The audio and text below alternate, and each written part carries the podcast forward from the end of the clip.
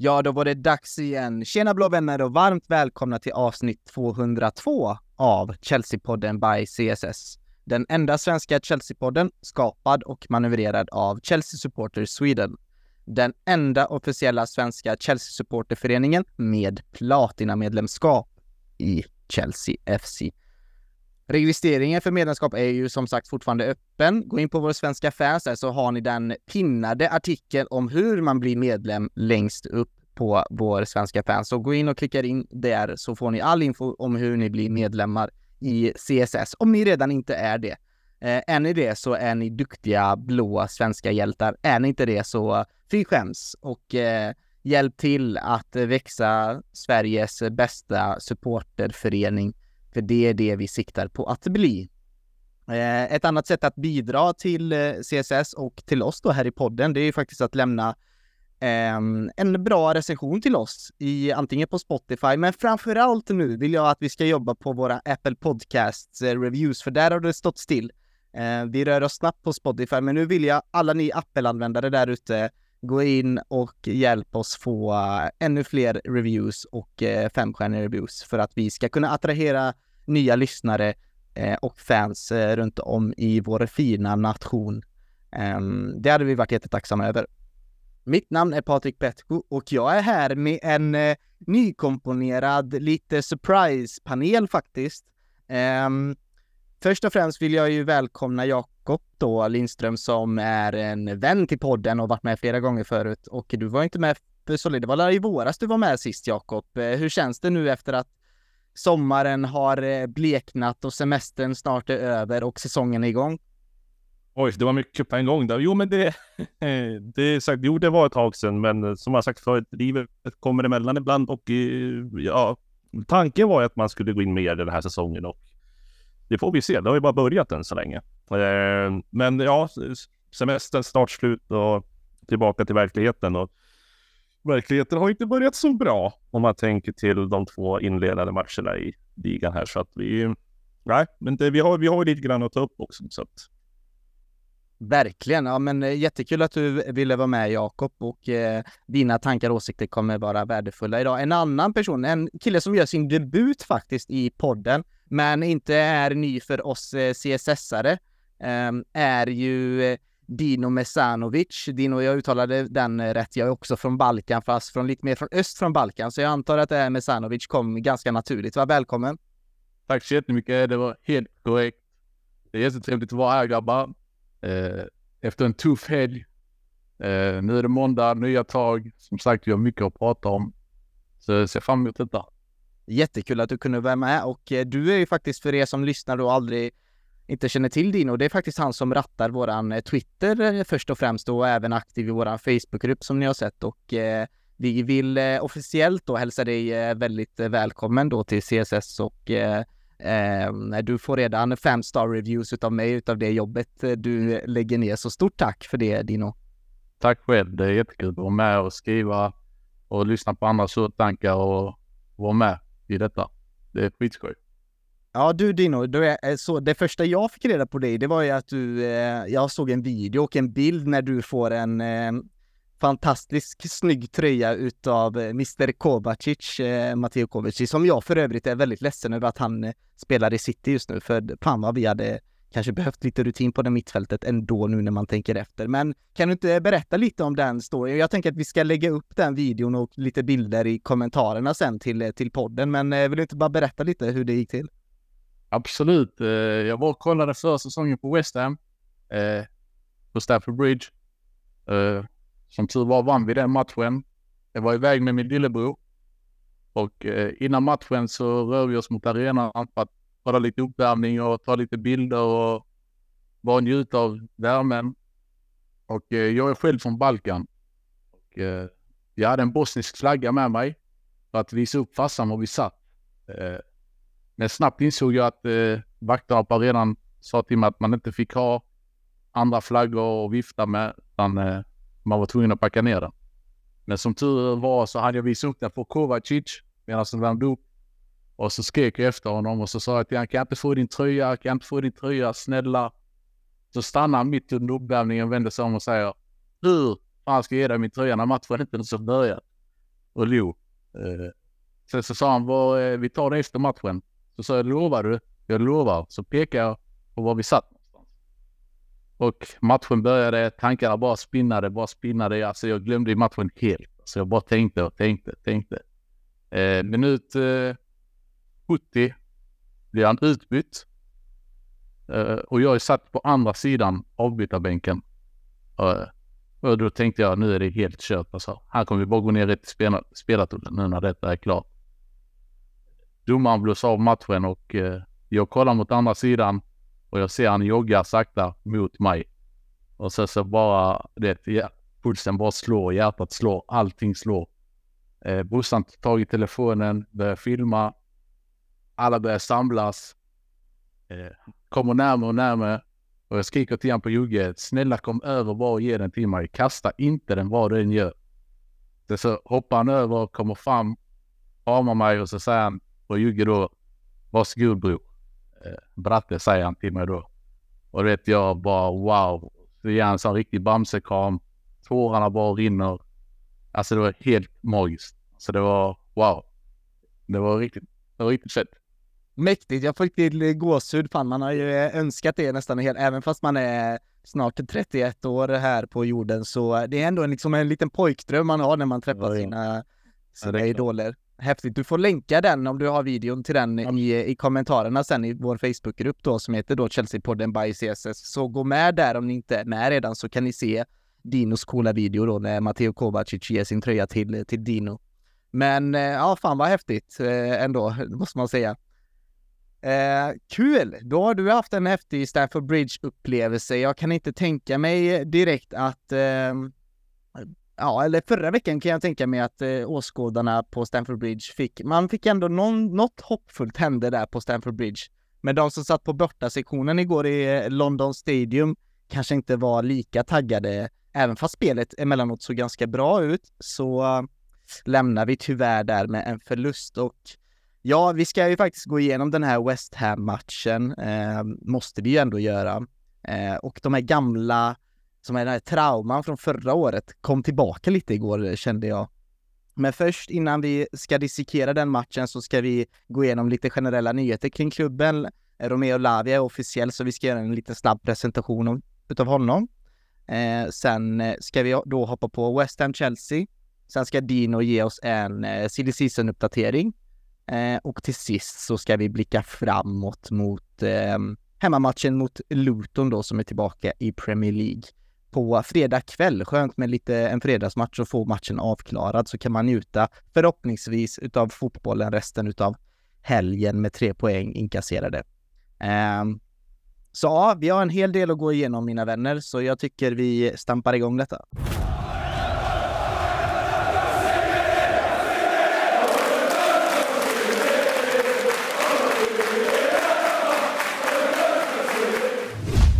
Ja, Romeo Lavia blev till slut officiell och eh, jag vill mig minnas att förra avsnittet så sa jag att eh, alltså, det känns ju lite, alltså, lite surplus requirements kände jag lite med Romeo Lavia. Det är kanske inte en spelare vi behövde då och då hade det precis varit klart med med Caicedo då, så tänkte jag, men då har vi ju löst den centrala mittfältet där och vi har unga talanger som både är på lån men är kvar i klubben. Jag vet inte Jakob, hur kände du när Romeo Lavia blev eh, officiell? Kände du av någonting? Gick du igång på det? Nej. Kort svar, men nej, alltså jag...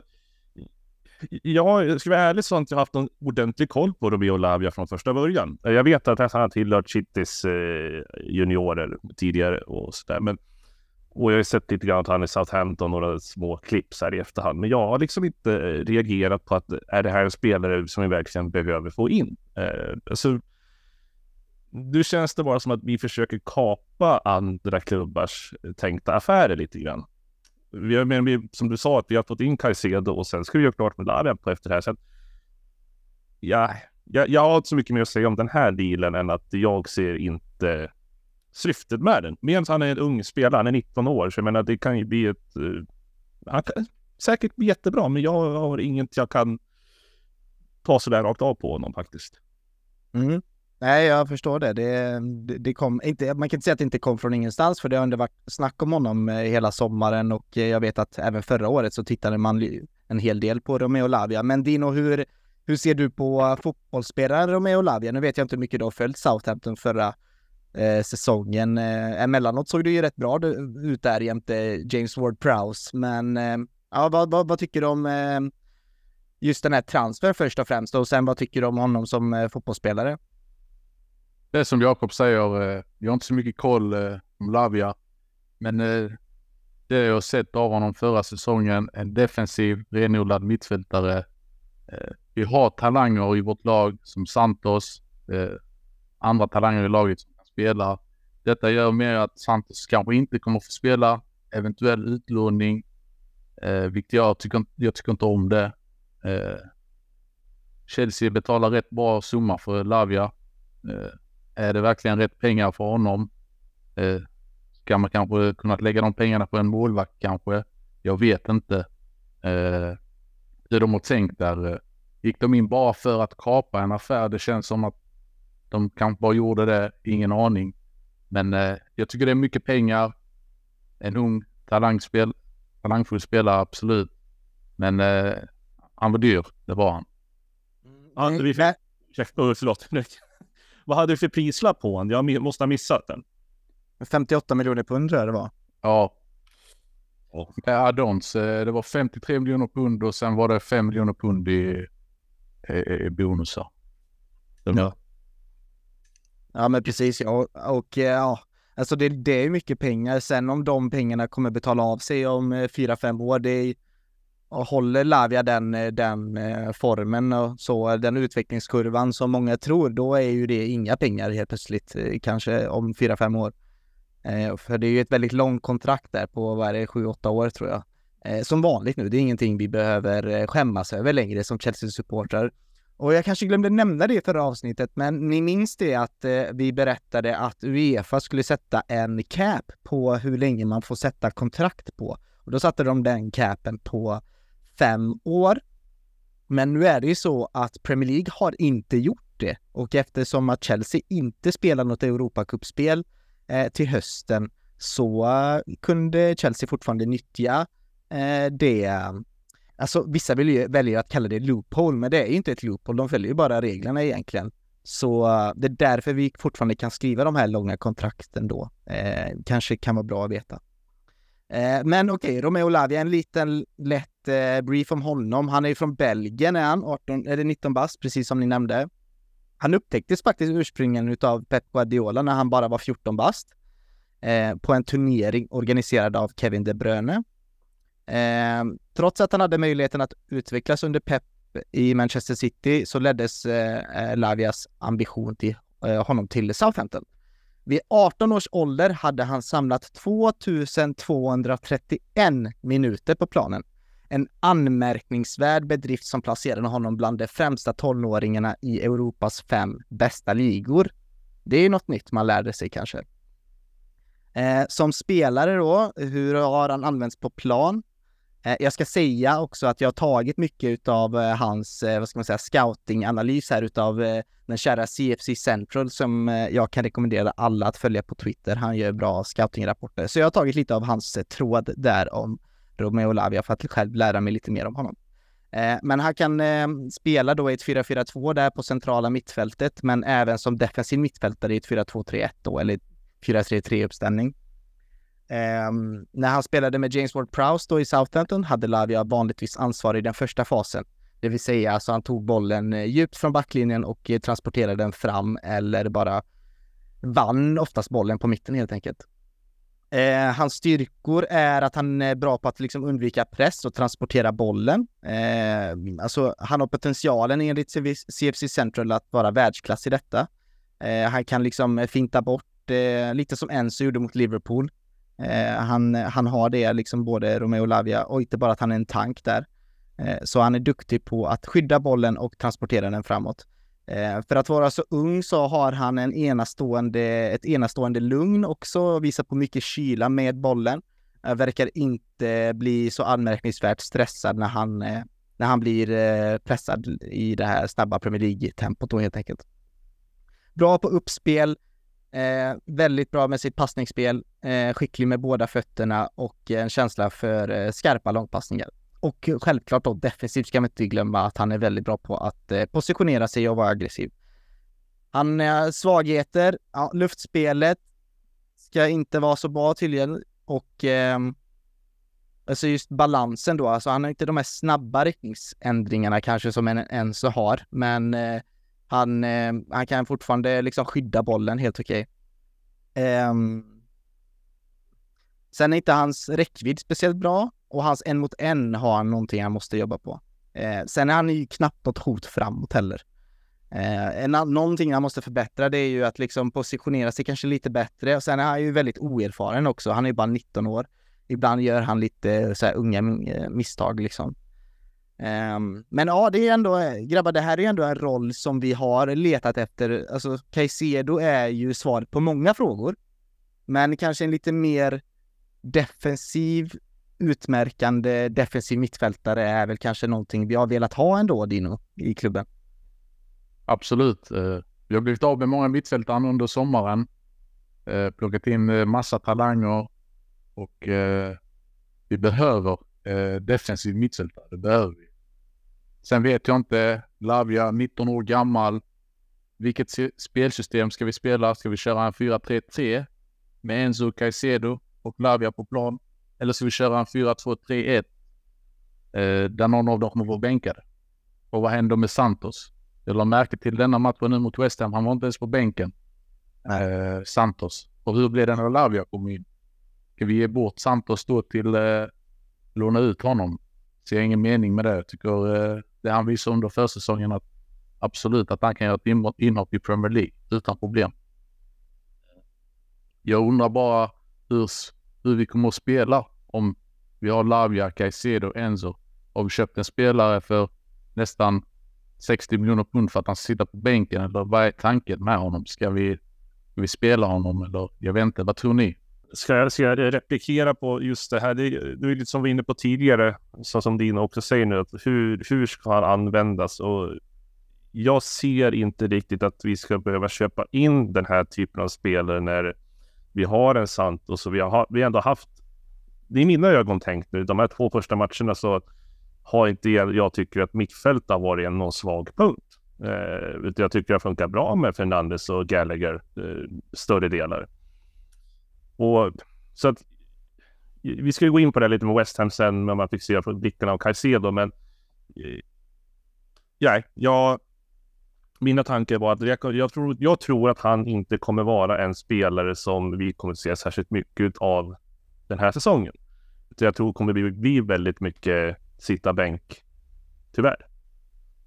Mm.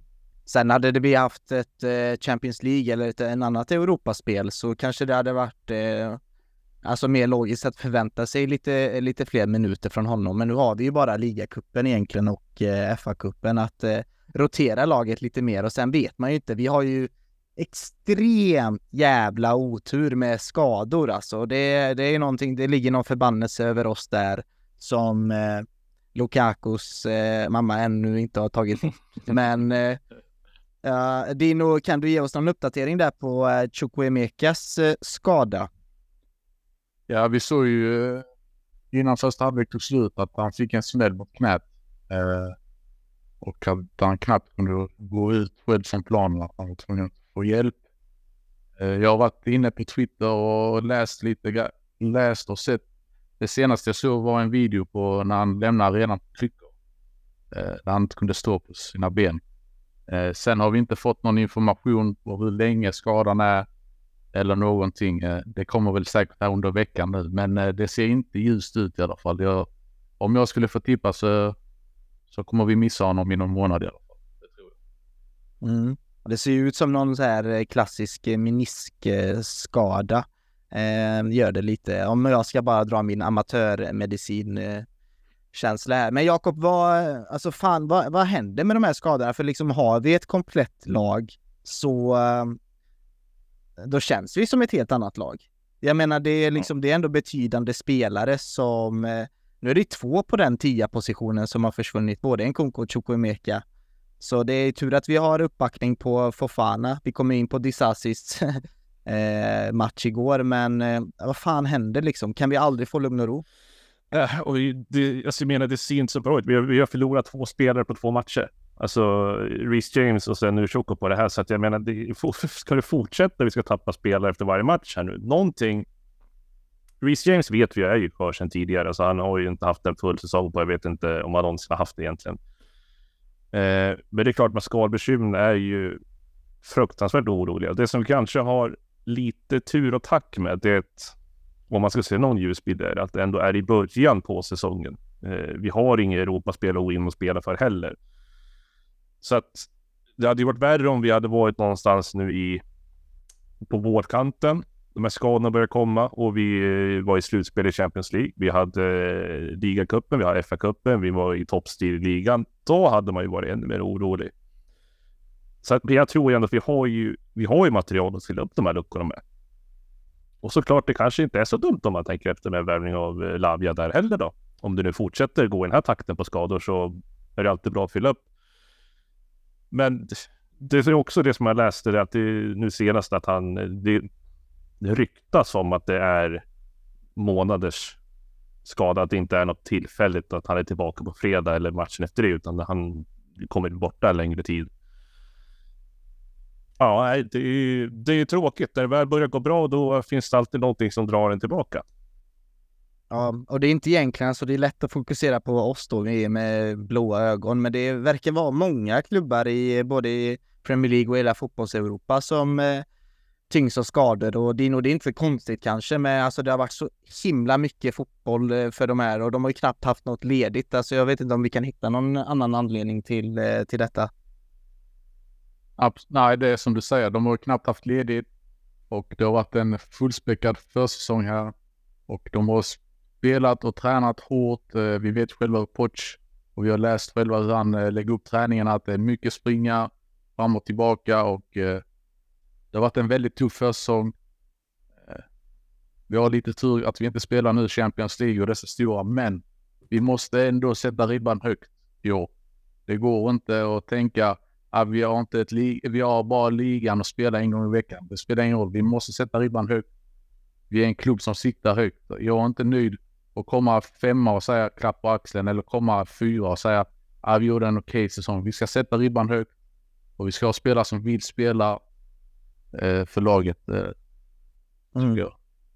Tycker, tror du eh, vi kommer in på silly season lite senare också i avsnittet, så vi kan ju spara det, för jag, det ser ut som att Chelsea letar efter alternativ där uppe nu med, med tanke på alla skador. Så jag tycker vi hoppar på West Ham matchen här nu direkt. Det blir ändå bra brygga från Chukwuemeka skada som hände där på London Stadium igår. Um, vi kan ju börja med elvan där, Jakob. Vilka fick uh, chansen från start? Mm, nu blir det åka av. Eh, nej, men vi tar från eh, Liverpool-matchen så gjorde ju Poch en 3-5-2 ställning. Eh, men det som var fascinerande, eller fascinerande, det gick ju ut på pappret först 3-4-2-1. Men eh, det var ju inte så att den uppställningen var matchen igenom, utan det sjönk ju snabbt till en fyrbackslinje. Tyckte jag i alla fall. Sen vet jag inte om var mer som såg det med ögonen att eh, Chilwell klev inte alls lika högt upp som han gjorde mot Liverpool. Gusto föll ju ner också, vet mot en fembackslinje. Det, vi fick inte liksom de här yttrarna som vi kanske var vana att se tidigare, eller mot till exempel Liverpool-matchen. Mm. Uh, men så såg starten ut i alla fall. Och ska vi fortsätta ut efter det så är det ju en match som börjar ju lite halvsvajigt. Det blir lite eh, lojt, det går lite trögt, långsamt. Men West Ham får in ett mål och efter det, då alltså, det är så också lite typiskt det här att eh, när de motståndarna gjort ett mål, ja men då ska det börja trampas igång. Då ska maskineriet funka och då ska vi liksom få tryck på det här så att vi bollinnehavet och passningsspelet är liksom det är ju förödande. West Ham är ju inte ens över på våran planhalva efter de har gjort 1-0. Nej, precis. Nej, det är, jag tycker det är, alltså, jag minns att de första reaktionerna både hos mig och många andra, det var ju att var, varför startar vi en sån här defensiv? För den, den känns ju väldigt defensiv när man, när man kollar på laguppställningen, att det är mer eller mindre samma som Liverpool, bara att vi har bytt ut Malo Gusto mot James. Eh, och ja, varför och så du vet Colwill där ute på vänsterbacken. Jag vet inte, det känns varför inte bara köra på det som faktiskt funkat under försäsongen? Och det kommer bli ett genomgående tema, eh, tema då när vi kommer prata om denna matchen. Varför spelar vi inte som vi spelade under försäsongen? Vad är det som Eh, vad har hänt med Pochettino där egentligen? Alltså Dino, jag vet att du blev eh, lite upprörd där både under och efter matchen. Att vad, varför gör vi inte bara det som funkade i, i somras så himla bra? Mm. Varför ändra på ett vinnande koncept? Hela försäsongen så, så lirar vi en 4-2-3-1 eh, som funkar jättebra. Eh, tycker vi. Vi kontrollerar de matcherna vi spelar under försäsongen. Nu möter vi inga wow-motstånd, men man känner ändå att det är kontroll och att det var länge sedan vi såg Chelsea spela som fotboll. Mm. Och vi får ju tyvärr en skada på en Koko. Eh, men det ska inte behöva göra så att vi behöver ändra hela formationen. Eh, till en 3, alltså 3-5-2. För att vi inte har någon tia. För vi har ju Sterling som kan spela som tia. Och sen slänga in Madueke på, på hans position. Utan problem hade Sterling fixat det tror jag. Eh, tänker att det är rent defensivt, alltså det är för mycket defensivt. Alltså 3-5-2 mot ett West Ham. Alltså jag tänker det är West Ham, kom igen. Vi har spelare. Du har värvat Caicedo nu för en rekordsumma. Varför ska vi, han har ju tränat med laget nu en vecka. Varför börjar han på bänken? Eh, jag tycker att, jag tyckte han, eh, jag är inte så bra inhopp Caicedo, det kan vi ta lite senare, men eh, jag, jag såg fram emot att han skulle starta 100 procent. Alltså det var, det fanns inget annat eh, alternativ för mig. Jag var helt säker på att han skulle starta. Eh, så jag vet, inte, jag vet inte vad ni tycker grabbar. Är det, är det en formation vi ska spela? Alltså, vad säger ni? Vad tycker ni? Ja, alltså för det första så vet jag inte om det är ett Caicedo-problem. Jag tycker Gallagher har förtjänat att starta då. Det är det jag tycker. Han, jag tycker inte han har gjort tillräckligt för att tappa den platsen hittills, eh, kanske än så tydligt som kanske många andra tycker. Men på sikt så ser jag ju självklart Caicedo som en uppgradering eh, där jämte Enzo Fernandes. Men jag tycker Gallagher förtjänar att starta återigen. Men alltså bara lite statistik då för att ge kontext eh, då egentligen. Vi hade alltså, vi hade alltså 76 procent utav bollen den här matchen. Mm. Så det, det, är inte det här att vi inte kan hålla i boll och eh, alltså till och med skott. Vi har 17 skott, varav dock fyra bara på mål. Eh, nio utanför. Eh, blockade skott fyra. Vi hade nio hörnor. Eh, alltså du vet, och en expected goal då på 2,49 hade vi. Så alltså jag menar, vi hade ju allting pekar ju, all statistik pekar ju egentligen på att vi skulle bara vunnit den här matchen. Jag vet inte ens om West Ham hade liksom tre klara anfall för att göra tre mål. Liksom om man tänker efter, utan de vann ju lite turligt då. De satt ju på en expected goals på 1,8 och liksom med 24 procent av bollen, men går att vinna matchen med 3-1 då. Så du vet, det finns ju det här klassiska man kunde säga, hade man spelat om den här matchen nio gånger av tio så hade vi Chelsea vunnit. Men nu förlorar vi ändå. Och ja, eh, ja och jag menar, är det är det, är, är det lite för hårt kanske att gå på hela den här formationsgrejen? Jag menar, hade inte Enzo, hade Enzo satt straffen liksom, det hade ju varit 2-1, jag vet inte. Hade moralen sjunkit hos West Ham och vi hade hittat något annat? Det kan ju vara så enkelt också, Jakob. Ja, alltså det, det West Ham har, det vi inte har, det är effektivitet. Alltså, de nyttjar ju det, det, det de får och det gör ju inte vi. Och vi kan gå in på det sjunde minuten när gör 1-0 på hörnan. Och de vet om att James Ward-Prowse, han slår sjukt bra bollar. Alltså han prickar alltid en spelare i princip. Ja, 99 av 100. Men det jag är förbryllad över på det målet, varför, vem är det som styr upp markeringarna där inne till att börja med? Alltså man sätter ju inte Gallagher på, är han 1,75 kanske, eller 1, knappt 1,80 mot en mittback Agerd som är liksom över 1,90. Jag får inte ihop den logiken, vem som tänker att... För att man ser på det på målet är att Gallagher blir liksom, han försvinner han blir undanknuffad. Så han har ju ingen chans. Uh, men det, det är sagt, alla de chanserna vi har och även med straffen, det, det, det är ineffektivt så det du skriker om. Vi, det är ju kvar spåren från förra säsongen att vi, där vi väl får chanserna så gör vi inte mål. Det, jag vet inte hur man ska trolla till det där riktigt ordentligt, men det finns ju fortfarande ljusglimtar i matchen, det måste man ju säga. Vi har ju Jackson till exempel, alltså hans driv med bollen, hans, eh, alltså, ska man ta ordet elegant när han, driv, när han väl sätter fart. Eh, Sterling, det bästa matchen jag sett han göra i Chelsea-tröjan. Absolut. Eh, och givetvis Chukwumeka också. Den, den, det vi fick se av honom på våren förra säsongen, det är ingenting mot nu. Alltså, han är ju, har ju lyft sig så inåt helsike. Så att det finns ju många som gör en väldigt bra match. Eh, I princip allihopa, men det är det sista som fattas. Är effektiviteten, så som det som West Ham nyttjar. Så mycket mm. bättre än vad vi gör. Ja, det, det, om vi stannar där bara lite vid Sterling och jag håller verkligen med där. Eh, Jakob, att det är den bästa matchen jag har sett honom spela. Det här är ju den gamla Sterling egentligen mm. som vi, vi har fått lära känna i Manchester City och lite i Liverpool, du vet, när han bara tar bollen mot ett lågt försvar och bara driver. Liksom, det fanns ett självförtroende i honom där som, som har saknats eh, sedan han tog på sig den blå tröjan i London. Ja, men det är ju så han ska användas. Han ska, man ska ju slå de här långa bollarna på honom som han springer.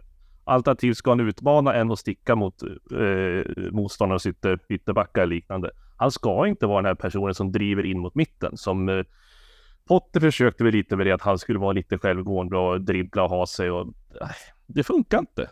Titta på hur han spelar nu igår istället. Alltså det, han får med sig bollen, driver ut mot kanten och försöker få in bollen i straffområdet. Antingen ta med den själv eller slå ett inlägg. Det är ju så han måste användas. Hans snabbhet är ju ruggig. Ja, det påminner lite Dino om eh, när Hazard hade sina bästa matcher eh, faktiskt i, i rörelsemönstret, hur han liksom eh, med, med kroppsmönstret och hur han rör sig, liksom de här kroppsfinterna, det, det var effektivt och det var kul att se och visst förtjänar Sterling minst en poäng från den här matchen, liksom någon assist eller något mål eller något. Absolut och eh, när jag kollade på matchen, alltså när jag kollade första, fram till första halvlek tyckte jag Chelsea hade en riktigt bra match och det som Jakob säger, de skapar och skapar. Bollinnehav har vi alltihopa. Jag tycker att Sterling skulle tagit den straffen istället för Enzo. Han var i sån hype.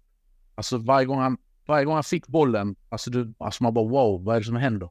Alltså han bara, alltså det var, han, han lekte sig förbi. Och eh, jag blev lite, lite förvånad att inte han fick ta straffen, för jag kände att är det någon som skulle tagit den straffen så var det Sterling. Han var, han var on fire.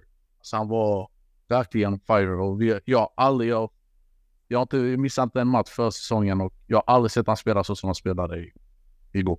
Det var, det blev helt, alltså han var wow. Ja, nej, han var riktigt, ja det var ju kul där för vi fick ju en fråga precis innan när vi eh, bad er lyssnare komma in med frågor, vilket ni alltid kan göra eh, som ni vill att panelen ska ta fram eller om ni har några funderingar som ni vill att vi ska diskutera här i, i podden. Så skriv gärna till oss på antingen vår Twitter eller i våran Chelsea-grupp. Men det var ju faktiskt eh, Arvid Sten som skrev ju Vem vill ni se som straffskytt kommande säsong? Eh, nu kanske det hade varit Reece James då om han hade spelat, men eh, det blev Enzo här och eh, är detta, då är, då är det Enzo. Alltså han hade satt ju fem av sina fem förra straffar. Eh, vilket jag lärde mig här nu då igår.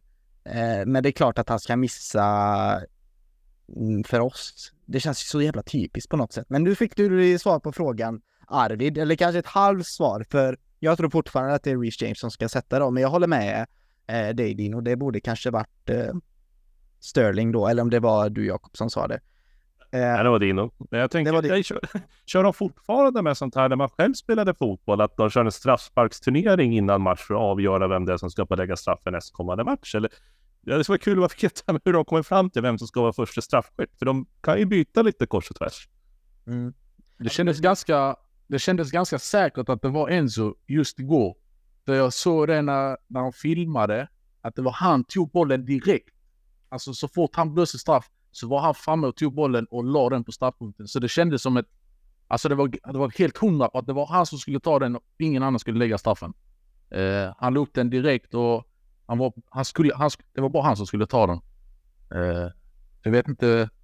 Jag säger som dig Patrik. Jag tror, det är, jag tror James är första. Vår första eh, straffskytt där. Mm. Men jag hade inte varit förvånad om det är så heller. Han har ju blivit lite ja, våran talisman nu, Enzo Fernandes och liksom den eh, magiken som ska lösa detta laget att spela bra fotboll. För även fast han missade straff så tycker jag ändå Enzo Fernandes gör en, eh, en väldigt fin match också. Han hittar ju Sterling och eh, Jackson flera gånger, Dino, i, i matchen i djupled. Absolut. Han gör en riktigt bra match. Jag tycker Chelsea spelar en riktigt bra första halvlek. Eh, Där Enzo med hans bollar ut på kanterna och sånt. Eh, det han gjorde mot Liverpool där med. Eh, det är han som sätter de bollarna. Det är han som drar igång det.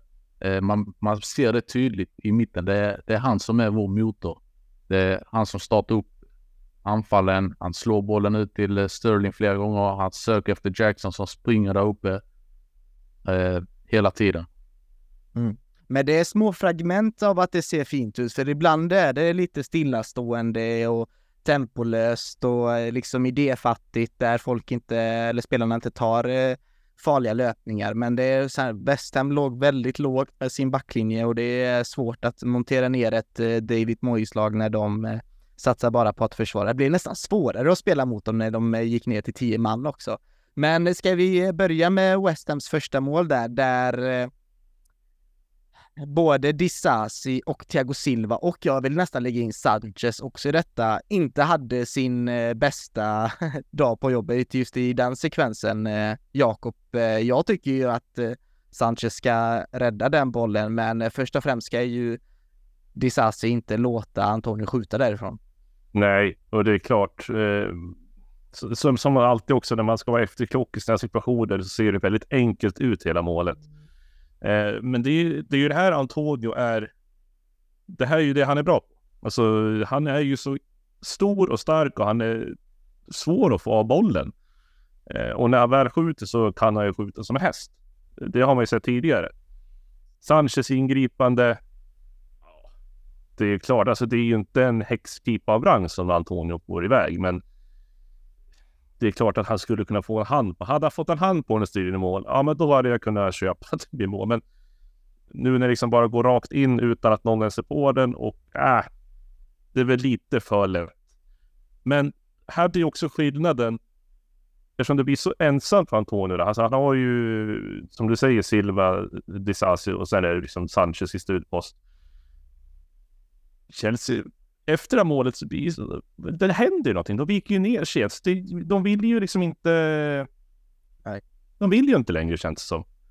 Då försvinner liksom det här trycket. Vi kommer komma fram till det mer närmare vid slutet av matchen. Men det här de har haft under första halvlek, alltså vad tar det vägen? Allting kan ju inte bero på att Chukmujeka blir skadad och byts in mot Mudrik. Alltså, så mycket betyder nog inte han, alltså för dagens match.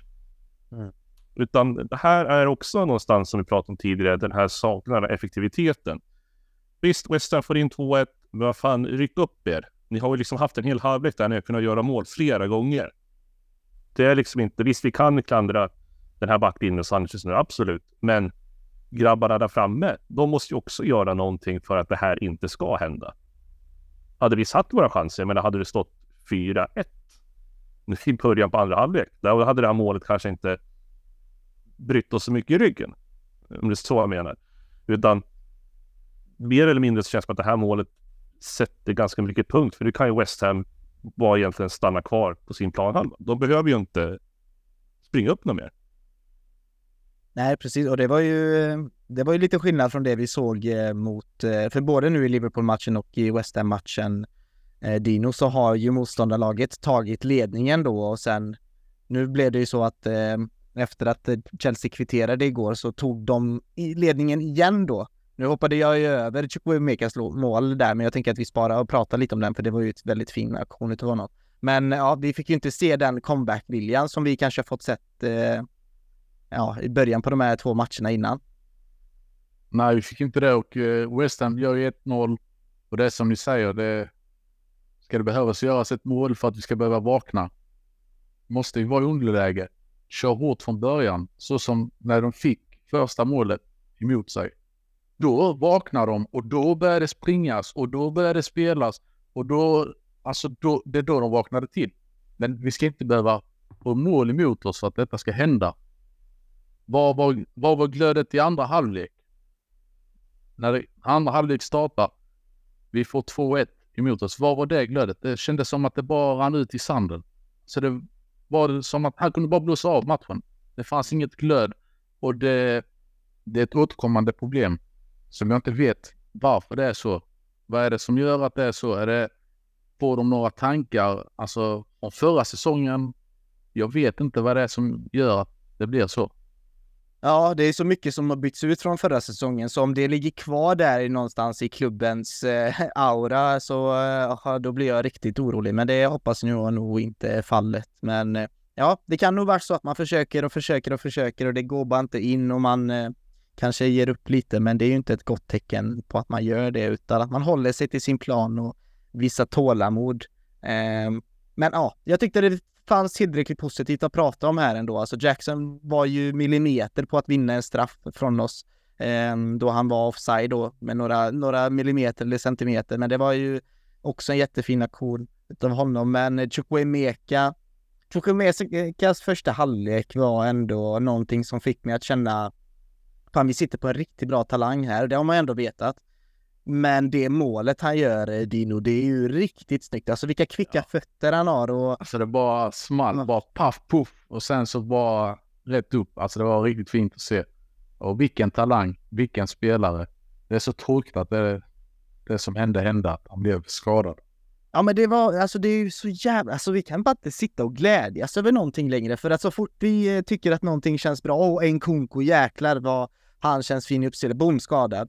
Ja, Chukwuemeka, jävlar vad fint. Eh, ja. Han känns skadad. Ja, Reece James, kapten. Ja, skadad. Ja, ja Fofana är back, du vet. Vi kommer ha trygg backlinje. Skadad. Ja.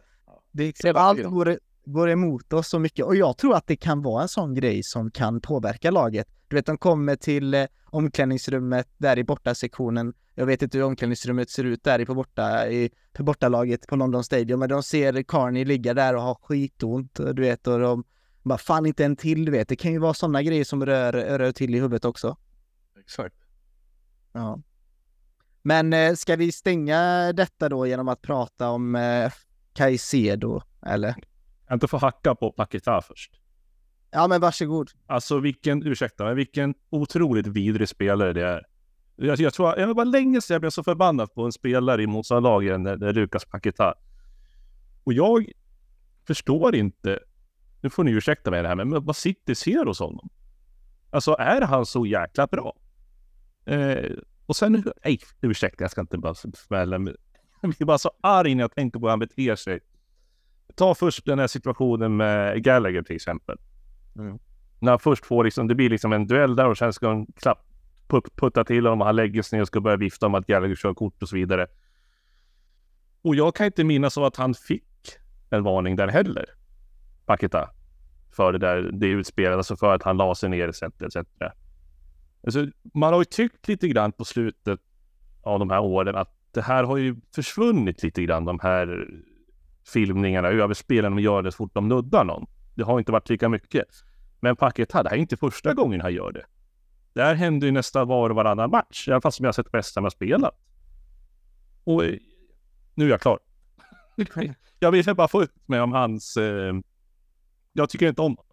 Nej, jag ska, jag ska förtydliga lite med Paketas situation. Det är ju rätt det du säger att City har varit intresserade av honom och eh, återigen att det är en central mittfältare, en defensiv mittfältare som skulle kunna gå då för miljardbeloppet till en annan Premier League-klubb. Men eh, nu har det ju kommit ut anklagelser om eh, Lucas Paqueta att han har eh, fifflat lite då med betting, eh, alltså en bettingskandal likt eh, Ivan Tony egentligen, där han tydligen då, eller några vänner till honom då ska ha bettat på att han ska få um, gula kort i matchen helt enkelt.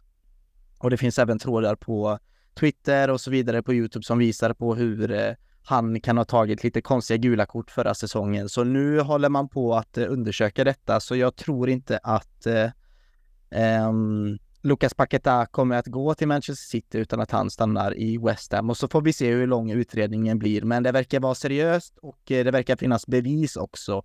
Dino, jag vet inte hur mycket du vet om den situationen. Sen ska vi inte prata om Lucas Paqueta för mycket här, men eh, det kan man ändå vara bra att förtydliga att eh, hans karriär kanske inte kommer gå så bra som eh, många av oss hoppas att den inte gör då. mm. det är det, det som du säger, vi behöver inte gå vidare och du har ju sagt att jag har läst det du har läst och allting ut under utredning där. Och mm. Det verkar som att det, det kommer att bli en naiv Tony-situation där. Han kommer bli avstängd. Och då har City valt att eh, backa från den affären. Precis. Ja, men eh, ska vi prata eh, Chelseas nya nummer 25 då? Han fick alltså Gianfranco Zolas gamla nummer. Det är lite våget att eh, att ta det numret tycker jag då personligen, men det var tydligen ett viktigt nummer för honom. Jag hoppas inte det blir någon Koulibaly-grej där med nummer 26 då det Caicedo har oturen med att välja ett legendariskt nummer. Eh, men ja, den, eh, jag har ju sett fotbollsspelare ha bättre debuter Dino. ja, det har vi alla sett. nej, eh, nej, vilken debut. Eh, jag vet inte riktigt. Eh, får en känsla när han kommer in på plan. Han ser helt rädd ut. Så, som han helt, jag vet inte vad det var. Alltså, typ, han kom in helt, man märkte när han slog första passen, vad, vad gör han? Alltså, eh, vad är det som händer? Eh, Sen tycker jag, sen fanns det många bra grejer som, eh, som kom ut sen på Twitter att eh, han gjorde bra dueller och fina, alltså han hade 88 procent i sådana här pass, eh, successful eh, passes. Så det är ju ändå bra statistik, men eh, han kändes väldigt, eh, väldigt stressad och jag vet inte vad det, det kan ha varit mycket bakom det här nu att eh, de slått ett transferrekord. Mycket press eh, mot sig, eh, kommer in i en match där de ligger under, kanske stämningen som vi sa innan var inte så hype. Eh, det, är, det är många faktorer som spelar in där. Mm. Jag vet inte vad ni tycker där. Alltså är det lite dålig matchcoachning kanske utav eh, Porsche eller snarare fingertoppkänsla utav Pochettino att byta in honom där Jakob? Eller det kanske är lätt att säga i efterhand men... Ja, det, det är klart det är det och jag, jag, jag förstår ju Porsches tanke med att uh, byta in Caicedo. Det, den tanken är jag med på. Men idag känns det också som att nya spelare ska in på plan så jäkla fort. Jag menar, han egentligen, med facit i hand så hade inte Caicedo behövt spela den matchen överhuvudtaget. Mm. Det, det tycker jag i alla fall jag. Så att, jag menar, han kunde ha gjort sin debut till exempel på fredag mot Luton. Det hade varit, kanske varit ett bättre tillfälle. Än att just det som Dino pratade om nu, det här med att komma in i underläge bortaplan mot West Ham. Det, för att han behöver ju inte acklimatisera sig på ett så sätt. Att det tar tid att mm, känna sig till rätta i eh, England och så vidare. Utan han ska egentligen bara kunna komma in och vara den han har varit lite i Brighton. Men ja, det, han har väl kanske inte sin bästa dag på jobbet och han visar väl inte att han var värd de pengarna på de här ish 30 minuterna han spelade. Om det nu ens var 20 minuter kanske han spelade. Eh, jag vet inte, ska vi gå in på den här straffsituationen på en gång? Ja, men jag tycker det, för det är ju nästan det som eh, får Moises Caicedo debut att se, ja men se väldigt, väldigt dålig ut helt enkelt. För att annars, visst han såg lite eh, tradig, lite, alltså vi får komma ihåg, Moises Caicedo är bara 21 år gammal alltså. Det är viktigt att komma ihåg det, så att ha den eh, vi pratar om rutin och jag vet att Erik Niva eh, pratar om det även i via Play-studion där att, ja men kolla Kovacic, varför eh, det är utmärkt spelare, det är ingen som kommer köpa han för en miljard. Nu är han förvisso mycket äldre, Eh, men det är ju en sån spelare som, eh, det ger något helt annat på ett mittfält. Liksom att förvänta sig att evig potential och det här är egentligen eh, ett samtalsämne jag skulle vilja ha eh, kanske i nästa avsnitt eller någonting. Men det här att vi har köpt så jäkla mycket potential så då måste ju våra förväntningar ligga på en viss nivå också, antar jag då som supportrar och det insåg jag lång, några timmar efter slutsignal igår att fan det här kommer ta tid alltså. Tålamod är fan viktigt nu. För det är bara en massa potential och lovord. Eh, men ja, det var min lilla tanke-rant över. Men ja, Caicedo eh, gjorde inte livet lättare för sig då när han eh, rev ner, vem var det han rev ner där framme? Och jag tänker om det var Alvarez. Edson Alvarez. Ja. Alvarez. Ja, det är lite roligt. Han var vi också kopplad med. Ja, men alltså den, men den duellen, den är ju helt... Eh... Det såg ut som att han tog den på boll först. Alltså, du vet. men sen Ja. på repris, alltså det är ju så... Ja. Man kan se om man vill, han är 21 år och men... Det är fortfarande proffs. Alltså... 21 år idag, jag menar det finns ju de som kommer fram med 16-17 och som dominerar. Men 21 år är ändå ganska gammalt om man tänker på en fotbollsspelares karriär. Eh, så att han, han, han besitter ju rutin, Caicedo. Han är inte nybörjare i det här. Och Jag, jag, jag ser inte alls varför han ska in som man gör i den här duellen. För var, han har ju inte en chans egentligen att nå bollen. Jag tror det är Alvarez som eh, driver in bollen och som blir klippt sen. För att han, Alvarez då sticker iväg med bollen och då ska Caicedo gå fram och försöka klippa, bryta. Jag, jag ser inte inte hur han tänkte där. Nej, Jamie Carragher Dino väljer att eh, ge epitetet mardrömsdebut för eh, Moises Caicedo. Ja, Vad så kan man väl säga. Vad sa du? Nej, Jamie Carragher väljer att kalla det mardrömsdebut för Moises Ja. Caicedo. Mm. Ja, men jag förstår det och det som vi pratar om här, det är otroliga siffror. Eh, Det är mycket pengar, många sätter ribban högt direkt. Jag tror personligen man får ge det tid. Snacka om fingertoppskänsla. Eh, Hade jag varit Pochettino så hade jag inte bytt in han där. Antingen startat han från början eller inte byta in han alls. Nu med facit i hand. Eh, Det är klart. Jag vet inte hur ni tycker där om han skulle verkligen komma in i den matchen. Vad skulle han tillföra framåt? Vi behöver mål och så vidare. Ja, alltså med tanke på, alltså vi får komma ihåg också, han har inte spelat någon försäsongsmatcher knappast med Brighton heller. Han har inte spelat, han har inte haft fotbollsminuter i kroppen på två månader snart liksom. Eh, så ja, fingertoppskänsla dåligt och det är väl, eh, om vi ska sammanfatta denna matchen så lägger vi väl, om vi ska hitta någon skuld till förlusten så hamnar det, då hamnar ju ansvaret på Maurizio Pochettino ändå, Dino va? Ja, det tycker jag. Eh, vi pratade efter matchen, jag var du, och jag var riktigt arg. Eh, och jag sa direkt där så, han är inte, han är inte för Chelsea. Och då fick jag massa påhopp. Ja, vi kan inte såga en tränare mitt efter två matcher att han ska lämna och så vidare. Men han gjorde, jag tycker han gjorde fel. Hans uppställning från början, defensivt, eh, alltså laget, själva laget var defensivt. 3-5-2 mot ett West Ham. Vi startar med fem backar. Med det vi har värvat och de spelarna vi har på bänken så tycker jag vi kunde ställt upp på ett annorlunda sätt och köra. Tryck på nu. Nu har, du, nu har vi handlat. Nu har vi Madueke. Han var inte redo för 90 minuter, men han, när han kom in så såg man att det var ändå fart i honom. Det var inte någon sån här att han, eh, han har ju tränat nu i två veckor hårt. Eh, det jag har följt på Twitter.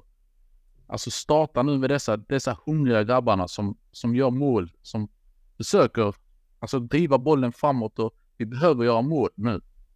Jag, Mm. jag vet inte riktigt eh, vad jag ska säga. Jag blev så... Jag blev mörkrädd när jag, efter matcherna. De bytena och... Nej, fingertoppskänslan hos Poch, det var, det var inte bra eh, under matchen. Nej, vi ska säga det också att innan vi stänger ner matchen att eh, och då, det glömde jag nämna innan, han gör alltså sitt första seniora mål då. Eh, när han eh, gjorde 1-1 för Chelsea. Så inte bara sitt första Chelsea-mål eller sitt första Premier League-mål utan sitt första seniora mål som fotbollsspelare. Så grattis till honom och vi önskar honom snabb återhämtning från eh, den skadan då som vi kommer få mer information om här i veckan antar jag. Eh, Mason Burstow fick ju också göra sin eh, Chelsea-debut. Det är mycket debuter där som man måste behandla. Eh, men det, det kan jag förstå det bytet. Lite, lite höjd, lite tyngd. Och där hade det kanske varit bra med Armando Broja då. Förhoppningsvis kommer han tillbaka snart med. Vi kanske måste kolla på nio positionen lite mer och jag vet att eh, du Dino har i din sillispalt här kanske lite information om det, om det sker någonting eller inte. Eh, m- Men vi måste, han får faktiskt inte komma undan. Det är faktiskt Mihailo Modric. Vi måste Ja, ja. prata om Mihailo. Vad, vad, vad, vad ska vi Vågar vi gå in på det? vi måste det. Och sen stänger vi matchen. Jakob, du... du Jag, jag, jag tänker så här. Ja, innan vi går in på Mudryk så måste ju bara nämna det där att det är ta mig fan så självklart att det är Lukas Paquetá som ska slå in straffen som blir 3-1. En Ja, spelare det är ju förbannad på hela matchen. Ja. Så att, Ja. Men nu släpper vi honom, nu släpper vi Paquetá och nu släpper vi den straffsituationen där. Men Det tycker jag. Mudryk. Ja. Alltså jag var ju så här, när, när Chelsea köpte loss honom, visst, jävligt mycket pengar. Då överhypade spelare, svar ja. Men så fanns ändå någon viss, som du var inne på, potential. Och första matchen jag gjorde debuten mot Liverpool där, man tänkte wow, det här kan ju bli en jävla rolig resa. Men man får också tänka då men det kommer inte nu till våren, utan det, han kommer växa sig in till nästa säsong och bli, bli någonting bra. Ja, av det vi har sett hittills i ligan, nej. Alltså, vad fan ska man göra? Det, han springer och springer, men det händer inte så mycket mer. Han hade ju sina glimtar under försäsongen. Nu såg inte jag alla matcher, men givetvis ett målet som han gjorde med samspelet med Jackson tror jag det är va? Ja, nej. Eh, Det är ju som, det är ju så man vill se honom. Men det verkar som att när han börjar få chansen att bytas in, och det känns att han är lite sur för att han inte får spela tillräckligt mycket kanske. Han ser lite, ja. Så att jag, jag nu med, när Choco är borta här nu så att nu kommer förmodligen Mudryk starta på fredag, kan jag tänka mig. Mm. Eh, mot Luton. Eh, så att vi kanske får återkomma till att göra en hel utvärdering när han har spelat en match från start här nu på nya säsongen. Eh, men av det som man har sett hittills så har det ju inte direkt varit jätteintressant och kul att se.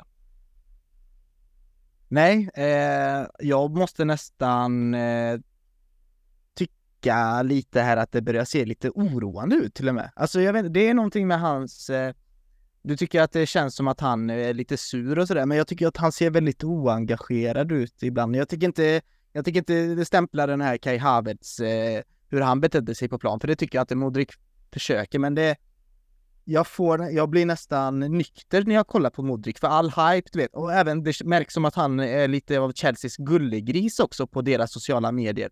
Det släpps artiklar på officiella hem hemsidan om honom. Pochettino gillar att prata om honom, att han är ung, potential, måste ha tid, lalala. Men han kommer in, det är lite som att han beter sig som att han redan är Mbappé och har vunnit VM och Champions League, Dino, lite, men fan alltså är han tillräckligt bra, bra alltså? Är han bra nog? Alltså, liksom? alltså det vi har sett nu försäsongen, så jag kollade på hela försäsongen där han var, alltså det var Mudrik och han fick ett fint mål där med Jackson och det spelet han hade med honom. Men eh, jag vet faktiskt inte. Alltså jag, jag kollar nu mot eh, det inhoppet han gör mot West Ham. Alltså det är, det är under all kritik. Alltså det är helt under all kritik. Alltså löpa, okej, okay, löp. Och sen då? Vad gör vi sen? Han bara löper och löper. Han får många chanser. Han gör, jag tycker han gör tråkiga beslut. Och när han väl får en chans så bara, vad gör du? Bara, man bara sitter i soffan och tänker, vad gör du nu? Och sen så bara mumlar han med sig själv. Det, det har jag lagt märke till att han bara, när han missar så bara prata med sig själv. Vad är det du säger? Jag vill höra vad du säger. Vad är det som går i ditt huvud?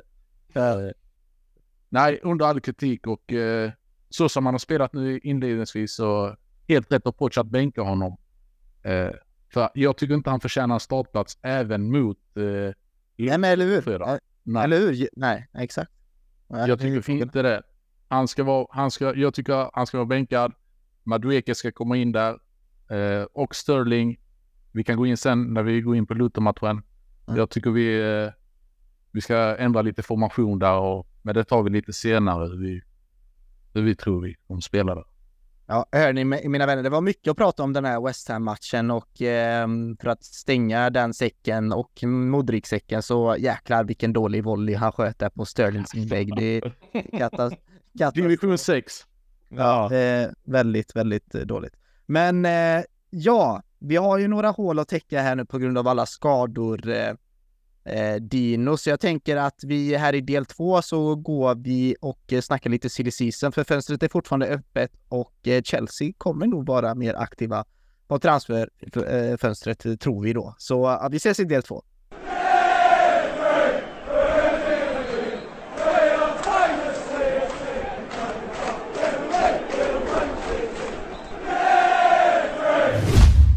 Ja Dino, du har ju superkoll här nu då på grund av att du lever och bor i oh. Twitterflödet eh, mer eller mindre. Och, ja. Ja, så du, jag, jag, känner så här att vi, vi har ju vår Fredrik Temme som oftast är, har superkoll på vad alla journalister skriver och sådär. Så jag tänker att du, eh, du får ändå take it away här, för det har ju hänt en hel del, både Hakim Ziyech och Louis Hall och sånt där. Så jag bara kör hårt och så hoppar vi in när du känner dig redo för lite reflektion. Absolut, jag kickar igång som sagt. Jag har häftat Twitter nu senaste, senaste månaderna. Jag snittar en skärmtid på sex timmar om dagen. Varit på semester och frugan blivit helt galen på mig. Kan du inte lägga undan telefonen? Kan du inte lägga undan telefonen? Alltså det har bara varit... Eh... Men vi kickar igång lite här med lite nyheter. Eh, vi börjar med Lukaku. Romelu Lukaku. Vad ska vi göra med honom? Eh, det som säger att eh, bägge Chelsea och Lukaku är ganska tydliga. Även Pochettino var tydlig om att eh, de letar efter bästa möjliga lösning för att han ska lämna klubben. Och eh, de försöker göra det bra för bägge parter. Eh, Chelsea har varit eh, pushat mycket för att Lukaku ska lämna till Saudiarabien. Och eh, Lukaku känner sig inte färdig i Europa. Och eh, Chelsea har respekterat det och eh, lagt det åt, åt sidan för tillfället. Eh, han har även varit överens med Juventus om eh, personliga om kontrakt och så. Han har redan gett grönt ljus till Juventus. Men eh, Chelsea kommer inte överens eh, med Juventus eh, eftersom de inte är så intresserade för tillfället av Dusan Vlahovic. Eh, det är inte någon poch vi satsar för tillfället och eh, Juventus vill inte köpa loss Romelu Lukaku eh, utan de vill ge Dusan Vlahovic och få pengar av Chelsea. Så den affären är pausad för tillfället. Mm. Eh, vi har även Tottenham som visar starkt intresse. Kane har lämnat. Eh, gått över till Bayern München. Eh, jag tror inte ni har något emot om eh, Chelsea kommer överens med Tottenham och att vi säljer honom dit. Eller vad tycker ni? Nej, han kan ju röra om i grytan där också kan jag ju tycka. Eh, och ställa till det ordentligt för Spurs. Men jag tänkte med Juventus då, hade inte typ supporterna gjort en stor jäkla protest på planen därför ja. att de inte ville ha in Lukaku? Det var Så... starkt nej. De bara nej, nej, nej, vi vill inte ha honom och det var det blev stort på Twitter och överallt att de var ganska tydliga att de vill inte ha Lukaku. Ja, men vilken klubb skulle vilja ha honom egentligen överhuvudtaget med, med tanke på hur han har betett sig senaste säsongerna? Alltså, han gör ju inte bra PR för sig själv. AIK. Mm. Nej, men sluta nu. han skulle inte platsa. Jag försöker titta hur det går för AIK mot Norrköping här också, men ja. Eh, nej, han ska inte till laget. Nej, det är svårt att eh, säga det här med Lukaku. Det kommer ju bli eh, en jäkla soppa hur den än slutar tror jag. Men eh, att han ska iväg från Cobham, det måste ju vara prio ett liksom. Det måste, man har ju fått iväg Hakim Ziyech äntligen, eh, Dino i alla fall. Ja, äntligen. Mm. Äntligen har han passerat sin läkarundersökning. Eh, det var mycket om och men om att han inte hade passerat sin läkarundersökning, men det var ju, det var inte trovärdiga källor som vi fick reda på till slut. Eh, det blev en here we go till Galatasaray och eh, han är officiellt klar där. Eh, det blir en fri utlåning för säsongen. Aldrig hört något liknande. En fri utlåning med möjlighet att värva honom gratis efter säsongen. Så, så jag tänker med som dig, bara ta han ifrån. Vi kan nog betala lite mer. Bara bort med han. Ja. Sen är det ju frågan om Galatasaray kommer betala hans löner. Det har jag inte sett någon information om, men det antar jag. Ja, ja jag har inte läst någonting heller, eh, för jag kollar på Fabricio och dessa stora källorna. Det kommer ingenting om löner eller någonting, utan det står bara free loan med att han får lämna gratis med. Men jag antar att det är Galatasaray som står för de lönerna. Det bör vara så. Då har vi av det så kallade dödköttet blivit alltså av med eh, Aubameyang och Hakim Ziyech. Då är det egentligen bara Lukaku kvar där, så vi ska förhoppningsvis jobba Chelsea aktivt på att eh, få bort honom från eh, träningsanläggningen så fort som möjligt. Eh, men det finns ju en till spelare som eh, många utav oss Chelsea-supportrar håller kärt och vi ser honom som en väldigt stor talang. Och det gör ju uppenbarligen Eddie Howe också, för visst är det så att eh, nu det är klart då att Lewis Hall går till Newcastle på lån? Allting är klart. Uh, Lewis Hall går till Newcastle. Fantastisk värvning av Newcastle. Uh, han lämnar på ett lån för säsongen, men en obligatorisk köpoption där de måste köpa honom för eh, en summa på 35 miljoner pund eh, efter säsongen. Och då har även ryktats om att Chelsea har en eh, klausul på honom. Om han skulle bli såld i framtiden eh, så ska vi få någon procent av det. Eh, de siffrorna har, har, inte kommit ut än på hur många procent det är eh, om han skulle säljas i framtiden. Det vet vi ingenting om än, men det ska finnas en, en sådan. Jag vet inte där gör Chelsea ett smart drag där? Jag vet inte vad du säger Jakob. Är det, är det rätt spelare och, och sälja då och behålla Cucurella? Nej, absolut inte. Nej, men det är för jag tror att Cucurella är ju svårare att bli av med på det sättet mot vad han har för lönekostnader och liknande. Men Lewis Hall är en spelare som jag fattar tycker för. Dels för att han har, varje match som man sett honom spela har han gått in med sånt jäkla hjärta och äntligen, även fast han haft en dålig dag så har han ju försökt och han har ju slitit och kämpat för att ta sig dit han är. Och för att sen se honom bara hipsixa, men du ska gå på lån till Newcastle. men vi ska sitta kvar med den där jävla spanjoren. Ursäkta mitt Mm. ut. men eh, nej, jag, jag förstår inte den tanken alls, utan jag hade helst velat sett Lewis Hall kvar för att det är också vad, vad, vad 35 miljoner pund sa vi om eh, Ja. Ja, hur, ja, alltså det är ju jättelite pengar om man tänker på vad eh, man skulle egentligen kunna få för honom, ty- tror jag. Så att eh, det var ett dåligt beslut av ledningen i Chelsea att skicka iväg honom på lån. jag vet inte vad ni tycker grabbar och tror och tänker. Vi har ju ett lag nu med massa talanger i laget. De kommer ju vilja spela i Mm. framtiden. Hur, ska- alltså, det, jag tror inte Louis Hall är den första spelaren som vi kommer tänka wow, sålde vi verkligen han? Eller Santos nu, som jag tror mest troligt kommer att gå på lån. Då kommer vi sitta här med och säga va? Har han gått på lån? Varför har han gått på lån efter en, en sån här försäsong efter det han har gjort i Brasilien? Så jag tror, jag tror vi kommer få mycket mer smällar i framtiden. Och dessa talangerna, att de kommer, de kommer tyvärr lämna eftersom vi har så många talanger och satsat just på talanger.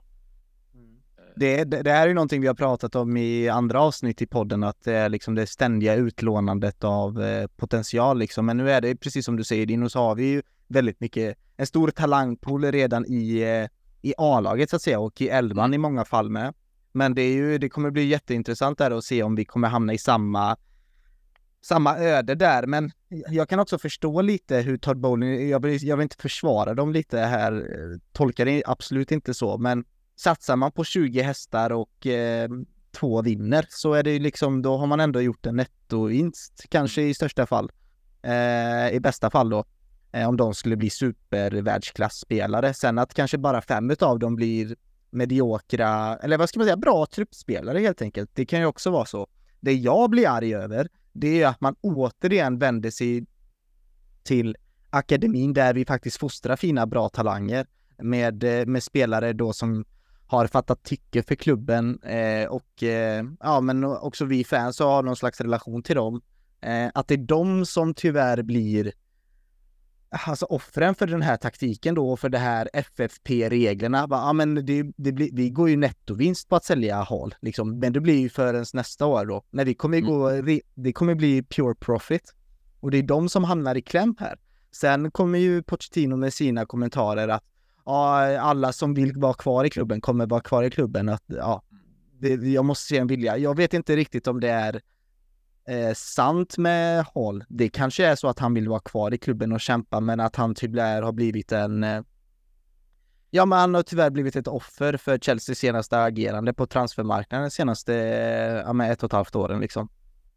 Jag tänker likadant där med Nkoko när han kommer tillbaka. Hur blir det då med Chukwemeka? Hur blir det med Conor Gallagher? Hur blir det med Santos? Någon kommer ju vara tvungen att offras för dessa grabbarna är grymma. Dessa grabbarna vill spela. Eh, det kommer med bli tufft eh, för jag tror Nkunku när han kommer tillbaka eh, så kommer han gå rätt in i startelvan sen. Hur blir det sen med de andra som kanske har briljerat under säsongen? Matsen också ett bra exempel. Ja. Exakt. Hur blir det med de spelarna som... Har vi nu spelare där vi kan säga stopp, nu kör vi, nu satsar vi på dessa. För Maurizio Pochettino har varit ganska tydlig med att han inte vill ha en bred trupp. Han vill jobba med en lite mindre trupp och satsa på de hästarna. Just det. Men eh, jag vet inte hur det kommer att sluta där när det gäller den Nej. biten. Ja, om vi går vidare från Louis Hall då, för det, det har ju rapporterats från, alltså att Pochettino ska då ha tyckt då att eh, Ian Matsen går före Louis Hall när det kommer till eh, eh, till den positionen. Så han, om man har varit tvungen att välja mellan Matsen och Hall och tagit det beslutet, då får man ju respektera det helt enkelt. Att det är då, det, så får det vara, för jag tycker en klubb ska drivas på det sättet helt enkelt. Men beslut måste tas. Men eh, jag hade inte varit förvånad om eh, Louis Hall är en eh, beståndsdel utav eh, Newcastles eh, startelva här i, fr- framöver heller. Jag tror Eddie Howe kan göra magi med honom.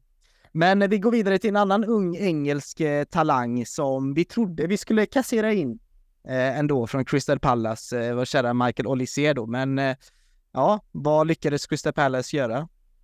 De vände på steken och eh, förlängde med honom i fyra år. Eh, väldigt chockande nyheter när de kom ut eftersom eh, både Fabricio och eh, andra stora källor var tydliga med att Chelsea hade aktiverat den här utköpsklausulen eh, på honom. Och jag såg det som klart, eh, så som alla andra gjorde. Men det vände och han eh, förlängde med ytterligare fyra år. Det ryktas fortfarande om att Chelsea är intresserade av honom. Men nu är det en ny prislapp som sägs vara 50 miljoner pund. Vilket har gjort att Chelsea har backat lite och tänkt eh, ska vi betala dessa pengarna för honom? Hur ska vi göra med honom? Eh, och nu har även Tottenham visat ett intresse för honom. Och jag tycker inte Chelsea borde gå in i några sådana här eh, eh, budkrig för att värva honom. Eh, jag vet inte vad ni säger. Är det någon spelare ni hade satsat på eller? Eh, Eh, behöver, behöver vi verkligen honom kan jag undra. Alltså visst, det är en skicklig spelare, men det känns som att vi har lite material att jobba på redan i, om vi ska referera till hästarna, men i vårat stall. Så uh, de där 50 miljoner punden plus några bonusar etc. som lätt kan gå upp till 60 miljoner kanske i slutändan. Men det, det, känns som att vi kan nog hålla i de slantarna och kanske titta lite grann mer på det som du var inne på tidigare Dino, där med målvakt. För jag säger inte att vi ska kapa den här affären för Tottenham heller bara för att Tottenham inte ska få honom. Det känns, vi har gjort mm. några sådana kupper nu senaste tiden så att vi, nej, han känns inte jätteviktig att få in just nu. Nej, känns inte så högt prioriterad där, eh, för de pengarna. Eh, det som vi pratat om det. Jag hade lagt de pengarna på något annat eh, om jag hade fått, fått välja där. Jag vet inte vad du tycker där Patrik? Nej, men eh, jag håller verkligen med. Jag tycker att han är också överskott eh, faktiskt. Även fast det är en väldigt talangfull fotbollsspelare så tycker jag att vi ska satsa på de hästarna vi redan har nu då i bland annat på den kanten då Maduik. Han har alltså, alltså Olysée har ju en jättefin vänsterfot och en bra playmaker och um, vad ska man säga, att kommer till, hade tillfört någonting likt Ziyech eh, eh, till detta Chelsea. Men då, då tycker jag väl att man kanske borde investera till honom tidigare och eh, kanske varit med och eh, byggt laget kring honom lite tidigare. För nu är det alldeles för mycket talanger på en gång. Jag tror det hade varit klokt att andas lite och kanske fokusera på någon som eh, någon killer framför mål liksom. Vi kommer ju till det. Eh, men ja, men vi pratade ju lite målvakt där. Ska vi nöja oss med, med bara Sanchez eh, mellan stolparna eller finns det något mer där? Vi har ju, eh, vi har ju både, jag läste här lite grann innan vi kickade igång detta avsnittet eh, av Nisa. Att eh, Chelsea sägs vara nära att värva ny målvakt nu. Och eh, det är George Petrovic eh, som lirar i MLS. Eh, har ingen, eh, har inte sett honom innan eller något sånt här. Men som sägs vara konkurrerande till Sanchez och eh, det är en summa på 11, eh, nästan 12 miljoner pund där. Eh, och det sägs nästan vara klart där. Så jag tror Chelsea, eh, Chelsea är klara för, har gjort klart med en till målvakten som kommer att konkurrera. Mm. Men sen vet jag inte riktigt om det är det verkligen den målvakten som ska konkurrera mot Sanchez eh, i Premier League? Är det något vi ska satsa på eller? Återigen en ung talang. Mm. ja. Ja. Men mål, målvaktsmarknaden är inte så jätterosande för tillfället heller egentligen. Alltså det är, vem ska man få in? Men hur svårt kan det vara att få in liksom någon Donnarumma liksom? Nu vet jag inte, nu drömmer jag bara lite här, men jag menar det finns ju målvakter där, splash the cash liksom. I don't know. Ja, jo. Som, som Mourinho sa, just pay, just pay, don't... exakt, exakt. Mr, Mr Abramovic, just pay. Ja, ja. Men börjar man tänka nu att skulle vi med facit i hand, ska man uh, känt att vi skulle haft kvar Kepa? Så jag vet inte vilken roll Kepa hade accepterat. Jag menar, vad tycker du Dino? Nej, eh, jag tycker Chelsea har helt rätt att skeppa iväg honom. Och alltså, när han säger med att eh, han vill ja. lämna, det är tydligt. Och eh, vill han lämna så är det bara till att skeppa iväg och jag tycker vi har gett honom för många chanser. Eh, han, har fått, han har fått sina chanser. Det, jag tycker Chelsea gjorde helt rätt att släppa honom. Mm. Ja, vi vänder blickarna framåt i plan istället och eh, kollar om eh, Chelsea ska kanske köpa någon målskytt. Du, vi pratade om att det här Vlahovic-intresset hade svalnat. Han gjorde ju även mål igår och en assist för Juventus eh, i sin Serie A-premiär där, men verkar inte bli någon Vlahovic, men finns det någon som är det pratas om eller är det bara liksom nya nummer 10 och yttrar-Dino? Jag kollade på en intervju efter matchen av eh, Pochettino. Han var ganska tydlig med att eh, Chelsea letar och att de är aktiva på, i marknaden efter en offensiv spelare. Där han, han gav lite koder att de typ letar efter en nummer 10 som även kan spela ytter. Eh. Men det är ingenting, eh, ja, alltså det finns ingen där framme, någon hungrig målskytt som vi har sagt att vi ska ha. Utan det är bara en nummer 10 han är intresserad av som kan spela ytter. Men inga namn är nämnda eh, om vem. Han har varit ganska tydlig med att vi jobbar aktivt och det letas och letas. Mm.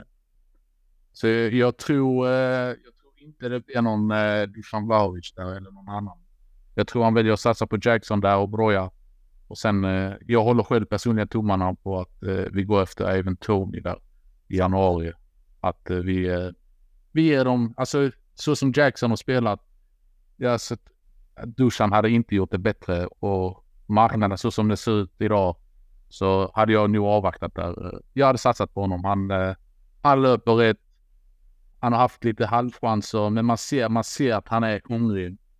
Men det hade varit bra att Borja kommer igång med så han får lite konkurrens och det känns som att Jackson inte är redo för 90 minuters spel. Han är ganska hungrig fram till första halvlek, 50 60 minuten, men sen märker man hur det tappas av mer och mer och mer.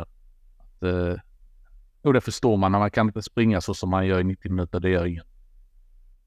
Jag tänkte lite på det också, eh, Jakob. Jag ville prata lite om det här med att för visst, Jackson i all ära, jag håller med dig. Jag tror inte han heller hade gjort det bättre än eh, Dusan Vlahovic möjligtvis. Men det är ju de här när vi möter ett lågt ställt försvar så behöver vi ju någon fri fys alltså någon, någon fysisk närvaro där kan, kan störa. Så nu bytte vi in Mason Burstow som gav oss lite fysikalitet på, um, i boxen där. Men det är där jag tror att Pochettino väljer att vara lite kall och vänta in eh, Armando Broja då helt enkelt. Ehm, kan det vara så bara att Pochettino har hamnat i ett litet konstigt läge med alla dessa skador på både Broja, eh, Nkunku då, men eh, nu Chukwemeka där till också, att, att det nästan har tvingat fram en diskussion som originellt inte hade behövts ha från början? Jo, det är självklart att skadorna har påverkat. Det, jag skulle bli förvånad om de inte gjorde det. Och det här med det, det, fysiska som vi har ältat om eh, under hela förra säsongen, att, det fin- att vi saknar det fysiska framåt. Redan när Havertz liksom inte kunde stå på fötterna när han mötte någon i nickduell eller liknande. Så att, ja, ja, jag kan ju se så här att vi ska ju ha in någon kraftfull spelare. Broja tror jag inte är han, så jag, jag, tror mycket på Broja, men jag tror inte att han är den som kommer göra det den här säsongen. Eh, det får han för lite tid för egentligen att göra. Däremot så tänkte jag säga Lukaku, nu höll jag på att svälja mig själv, min egna tunga. Mm. ah, inte Lukaku ska jag säga, för han ska ju bort så. Men jag vill inte se desperat sista timmen köp som vi har varit med om förut när det kommer till anfallare. Att det blir det här draget att vi måste få in någon sista stunden. Utan det här skulle ju ha gjorts redan första veckan när fönstret öppnat. Att vi måste ju ha någon där fram som har lite kraft i sig. Jackson, all ära, han har överraskat mig. Eh, jag tror inte att han var den här typen av spelare, för jag har inte sett honom lira så mycket. Men eh, jag tycker absolut att han är en spelare för oss. Men vi är fortfarande, vi måste ha någon som har lite mer power, någon som har den här råstyrkan. Helst någon som kan vara en eh, liten jävel ibland, typ Diego Costa typ. Det... Alltså tänker du när ni säger power, alltså menar ni straffområdet med lite inläggsspel och så? För jag tycker ja. ändå Jackson och alltså visat på att han är stark när det kommer bollar. Eh, bollar. Han är inte bra på huvudet. Jag tycker inte Nej, ja, precis. Nej. Jag ska dra en i boxen där då. Ja, men någon, någon, som har, någon som har storlek, någon som har styrka, någon som är egentligen en Giroud-typ eller någon som kan få ner de här bollarna och sen kanske leverera över på en Jackson eller liknande. Någon, det finns någon där uppe som suger tag i det här. Och, det, och det, jag måste vara tydlig här med att det här är ingenting, det är inget spel eller taktik som jag skulle vilja se Chelsea spela, utan det är ju de här sista minuterna när man jagar ett mål. Ja. Jag tänker. Det är väl ett sånt, in, alltså någon som kan vara bekväm att sitta bänk, men bytas in när det är desperation. En Giroud. Men Giroud, ja. Men sen var inte han nöjd med sin speltid heller, utan Nej. kanske hyllan under Giroud där. Men då kanske vi ska nöja oss med liksom Mason Burstow och eh, Armando Broja. Jag vet inte liksom vad... Ja, jag vet inte ens om det, om det behövs egentligen, för det var ju en situation där när Sterling bröt igenom i slutet på uh, första halvlek. Skitsnyggt, liksom han eh, bröt igenom hela mittfältet och eh, försvarslinjen och så kommer han in, gör en pass eh, snett inåt bakåt. Och så Chukwemeka missar bollen, Jackson han tunnlar sig själv på något sätt och så kommer det till Chilwell som skjuter med fel fot. Och jag menar, vi behöver bara någon som, någon som bara någon killer, du vet. Alltså någon som... Äh, är det väl någon som bara... Ja, precis. Fin Men. Som det är just nu så har vi ju ingen egentligen som kan, som man vet har det där huvudet som eh, man kan lägga upp bollen på när det är två minuter kvar och vi måste få in ett ledningsmål eller en kvittering. Vi har liksom ingen sån, det är backlinjen men där framåt så är det ändå ganska tunt. Vi har inte den här som Patrik var inne på, det killer, eh, ja, Nej. någon som bara står där och skjuter in boxarna. Nej, men det har vi pratat om så himla mycket i podden och det är säkert uttröttande för alla lyssnare som bara ja, vi vet, vi vet alltså att ni vill ha detta. Men eh, ja, vi får se. En Kunko kommer ju tillföra någonting nytt också och är det bara så att våra yttrar och våra offensiva mittfältare kan göra mål så kanske inte detta blir ett problem i framtiden heller. Sen tror jag Jackson kommer komma igång. Så, så man kan kolla på det på, på två olika sätt eh, kan man faktiskt göra. Så eh, ja, vi får se helt enkelt eh, hur eh, hur vi gör mål mot Luton. Eh, för det måste vi göra, Jakob. Det här är ju en måste-match för oss. Oh ja. För oss Oh ja. eh, på, på fredag då. Fredag klockan nio om jag minns rätt spelas den. Det är gött att vi spelar på en fredag. Vad, för det första, vad, vad kan vi se om Luton? Det är ju ett, eh, ett nytt lag här i Premier League. De har inte spelat, Ja. inte, har de någonsin varit i Premier League? Nej. det har de inte. Men de har ju varit i engelska ligan för herrans massa år sedan. Men det är ju första gången de får spela Premier League då som Mm. stiftades 1992. Eh, de är ju, Luton Town är ju, det är ju fortfarande en klassisk fotbollsklubb. Men de har ju funnits sedan 1885 tror jag det var. Så att de har ju varit med bra länge. Och de är ju första, första klubb som har gått från non-League och semiprofessionellt upp till Premier League. Det är ingen, ingen annan klubb som har lyckats göra det under Premier League-historien då. Så att det är väl en liten grön bock på att de har gjort ett hyfsat bra förra säsong. De, alltså deras Championship-säsong var väl inte så här man, att man wow, vilket topplag, eller de här kommer liksom bli kanon, för att de började ju eh, jättedåligt. Eh, de vann ju inte förrän kanske fem, sex matcher in eller någonting första matchen. Och sen låg de och treva i mitten, så framåt våren, det var ju där de klättrade upp på fjärdeplatsen. Och så låg de och dalade från fjärde ner till åttonde, ner till tolfte, upp till fjärde. Så de var ju aldrig någon befäst topplag i Championship. Eh, så men de tog, de tog ju sig till de här playoffsen då tack vare den fjärde platsen och eh, det var väl ingen bländande fotboll de bjöd på där heller. Det som man är imponerad av det är ju den där lilla arenan de har, eh, Kenilworth Road, som eh, hade sånt tryck under vissa matcher under Championship. Eh, lite halv eh, läskigt, lite Brentford-stuk kan man tänka sig. Att eh, det är inte nog så kul att vara motståndarspelare med en sån publik. Mycket fula ord som skriks i munnarna där också. Eh, men de har ju fortfarande ett lite hot. Alltså de eh, gjorde sin första mot Brighton, torska 4-1. Eh, det är kanske inte är världens bästa start.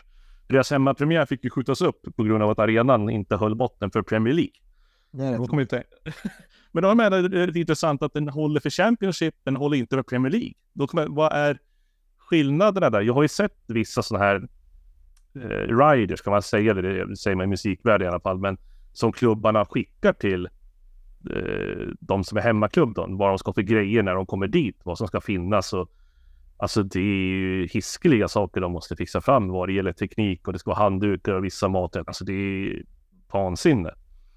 Men nog om det i alla fall. Ja, vi ska väl nämna arenan Kenilworth Road. Har ni, ni har ju sett den an, äh, ingången för bortafansen där genom äh, radhusen.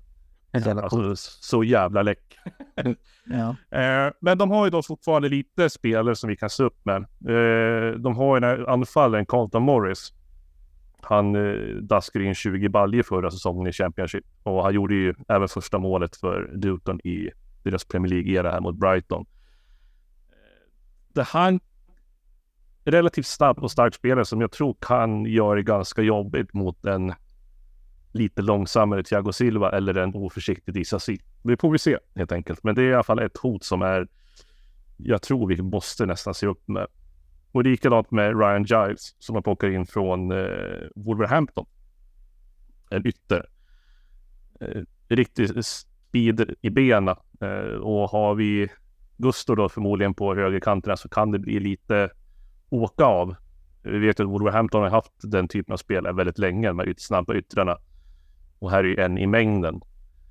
Och så givetvis måste vi nämna Ross the Boss, Barkley. Men han kommer inte vara med på fredag. Han plockas in från Nice nu. Eh, men han är inte med på fredag på grund av en skada.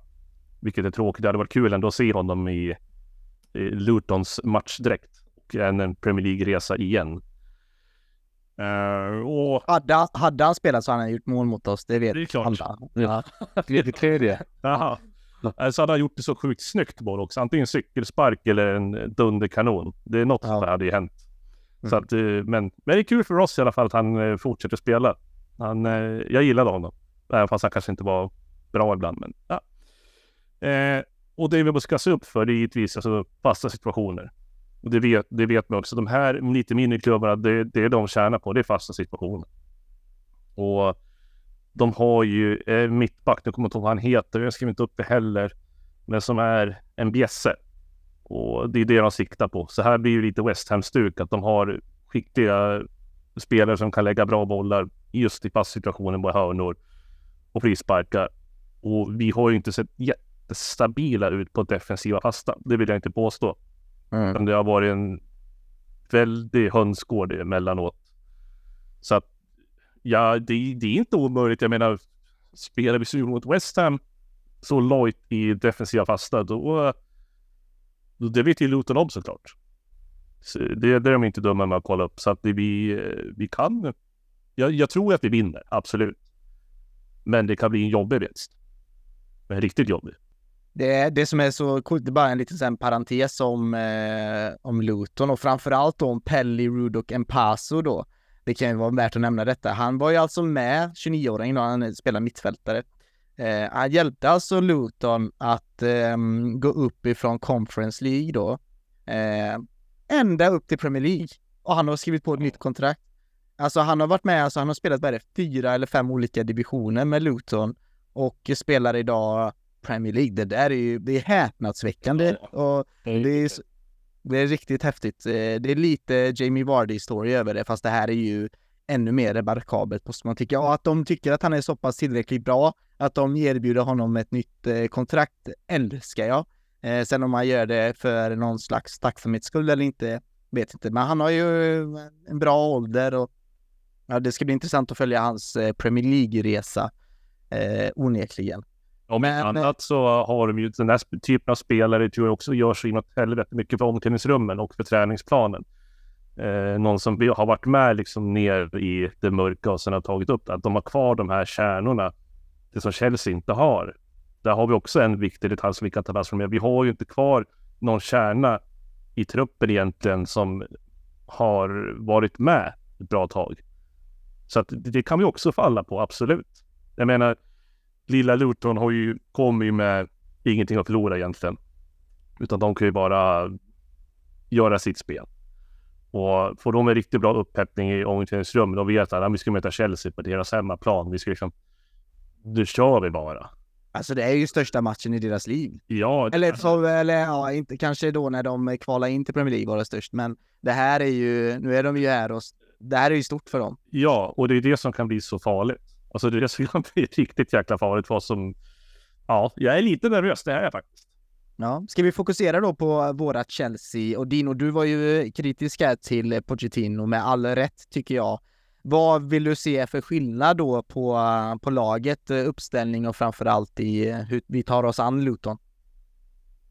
Eh, som sagt, jag har varit väldigt kritisk mot Pochettino och eh, jag tycker absolut inte vi ska spela en fembacks mot Luton hemma.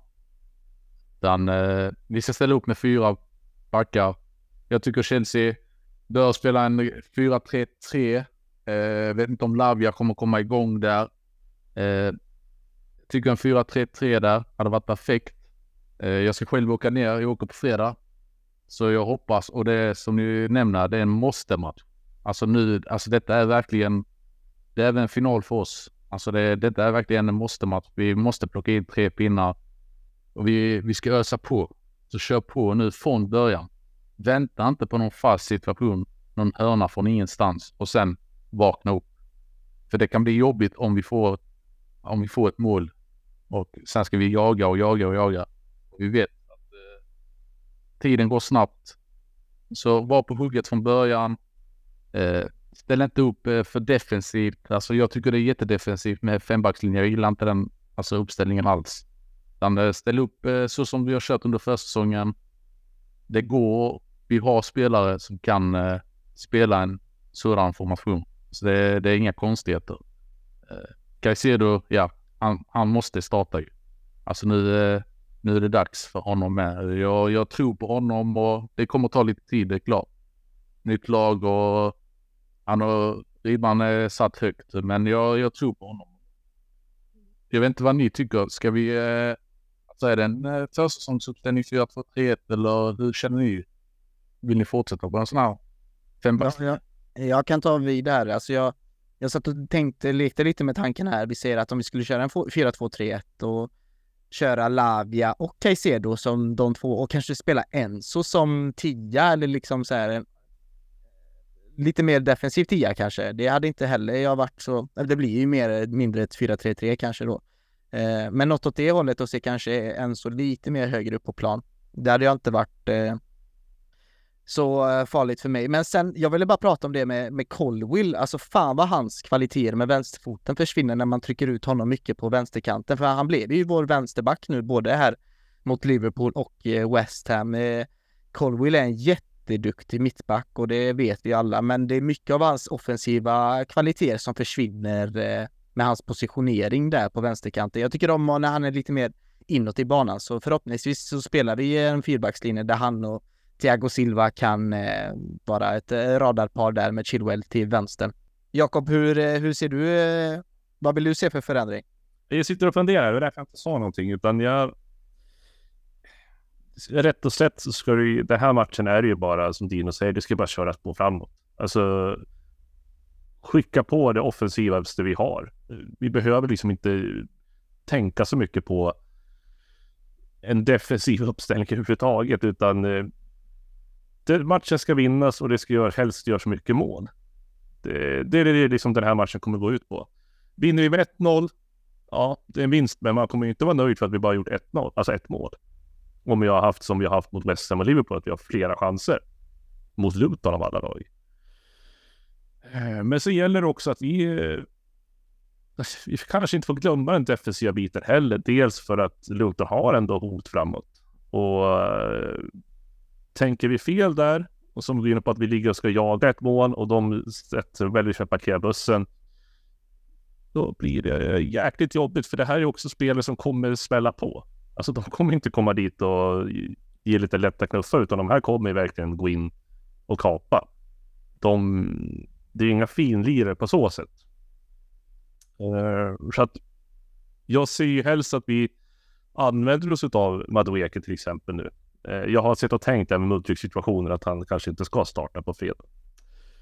Uh, å andra sidan, andra hjärnhalvan säger att jag vill se honom starta för att då skulle jag kunna säga att ja, men, han har fått chansen att starta den här säsongen. Han tog den inte fullt ut där heller. Då kan vi placera honom på bänken eller ja, hitta på någonting. Eh, men annars tror jag att vi kommer, jag, jag tror nog att Pock kommer köra på det vi har sett nu mot Liverpool och West Ham, det är liknande. Jag tror inte han kommer göra några större förändringar, vilket är tråkigt när han väl vill se någonting hända. Liksom. Han vet att det har inte funkat riktigt. Det är någonting som fattas. Agera, gör någonting, testa något nytt, gå tillbaka till försäsongen. Alltså, ja, alltså, så det är lite, ja. lite, lite pock också det här att man får se hur han tänker nu inför Luton. Att ska vi fortsätta få kontinuitet och testa det här som vi har gjort i två matcher nu? Eller ska man välja att gå tillbaka på säkra kort? Det är också lite vågskål det där. Ja, alltså jag, jag ärligt talat så bryr jag mig inte. Jag tycker vi kan se lika dåliga ut som United, bara vi vinner. Alltså, precis som de gjorde mot Wolves i sin premiärmatch. Ser vi så dåliga ut men ändå får tre poäng, I take it, för det är det vi behöver just nu. Liksom. Mm. Vi behöver den boosten. Vi behöver de tre pinnarna. Det är jätteviktigt. Och Det är jätte... Ja, framförallt på hemmaplan nu. Vi möter Luton. Kom on boys. Alltså det, det ska bara, alltså det ska bara tre pinnar, Det- inget annat. Nej, precis. Alltså jag var faktiskt ärligt talat lite nervös inför matchen på uh, i söndags här mot West Ham. Det var jag. Jag kände lite så här, ja, jag vet inte riktigt, men här, jag känner faktiskt ingen nervositet allt. Jag känner bara att det här är för första gången på riktigt länge känner jag det här ska vara en vinst. Liksom. Jag känner mig trygg i att säga det. Sen återkommer vi här om en vecka och poddar igen, så förhoppningsvis så... eh, Nej, men den enda, den enda nervositeten som man känner, det är ju det här med som vi har varit inne på, att gör de ett mål och går och parkerar bussen och vi har varit så ineffektiva när vi kommer in i boxen eller ska avsluta överhuvudtaget. Det är ju då, det är den nervositeten man känner. Vad, vad, vad, vad händer? Det handlar bara om att eh, liksom göra det där första målet. Det Ja, har du rätt det är det. Ja, och, ja, det har du rätt i. Ja, jag tror, jag tror vi tar detta. Ja, och vi har, vi har ju spelare som ska klara av detta. Alltså vem de än har i laget. Alltså de, vi har, vi har spelare som har den. Alltså de, det kött, alltså de har kött på benen för att klara av dessa spelare. Det ska bara vara tre pinnar. Alltså det är inget annat. Tre pinnar. Verkligen. Nej men eh, då skulle jag vilja se en 4-3-3 säger jag då, då Gallagher då, jag kanske inte Lavi är spelklar. Lav, eh, förlåt, eh, Caicedo och Enzo tillsammans med Gallagher då, då får jag bilda någon trea och sen kanske jag vill se eh, Sterling ute till höger, Matsen till vänster och Jackson längst fram. Det, det känns som en elva som eh, jag tyckte Matsen var så pass bra i försäsongen och han är ju van med Burnley att spela mot ett lågt ställt eh, försvar eh, från Burnley-tiden då, så kompani har ju tränat honom väl, så jag tror faktiskt att han skulle kunna passa in i det. Eh, men ja, vi får se. Men eh, fan, det har varit ett långt avsnitt här återigen. Jag tackar jättemycket för att ni har lyssnat och tagit er ända hit och att ni orkar med att hålla på denna klubben som ibland ger oss glädje, men ibland känns det som det tar vår, vårt liv. Eh, men eh, det är det värt, för vi älskar denna klubben och vi, kommer, vi hade kunnat snacka två, tre timmar till säkert. Mm. Eh, Oh, ja. Absolut. Stort tack Jakob för din återkomst här till podden. Det var skönt att ha dig tillbaka. Ja, men tack själv för att man fick och kunde vara med. Det är sagt alltid kul att vara med. Och jag är ju den bittra typen oftast när det kommer till sånt här, men det behövs ibland det också. Ja, ja men det är skönt. Vi har ju skakat om här lite. Vi har ju vår eh, core-panel eh, som ni brukar höra. Men vi kände att vi eh, på grund av lite privata anledningar som vi var inne på förra veckan så kommer vi kanske återförena panelen som vanligt inför nästa vecka. Vi får se om det blir så och Linus är sjuk. Eh, men det är skönt att ha dig Jakob också. Du är trygg när det väl kommer till kritan. Och stort tack till dig eh, Dino också för din eh, debut. Du är ju en eh, grym debut. Applåder. Tack så mycket grabbar. Det var skitskoj att vara med. Eh, jag åker till London på fredag så har vi några PCSS-are som är där nere.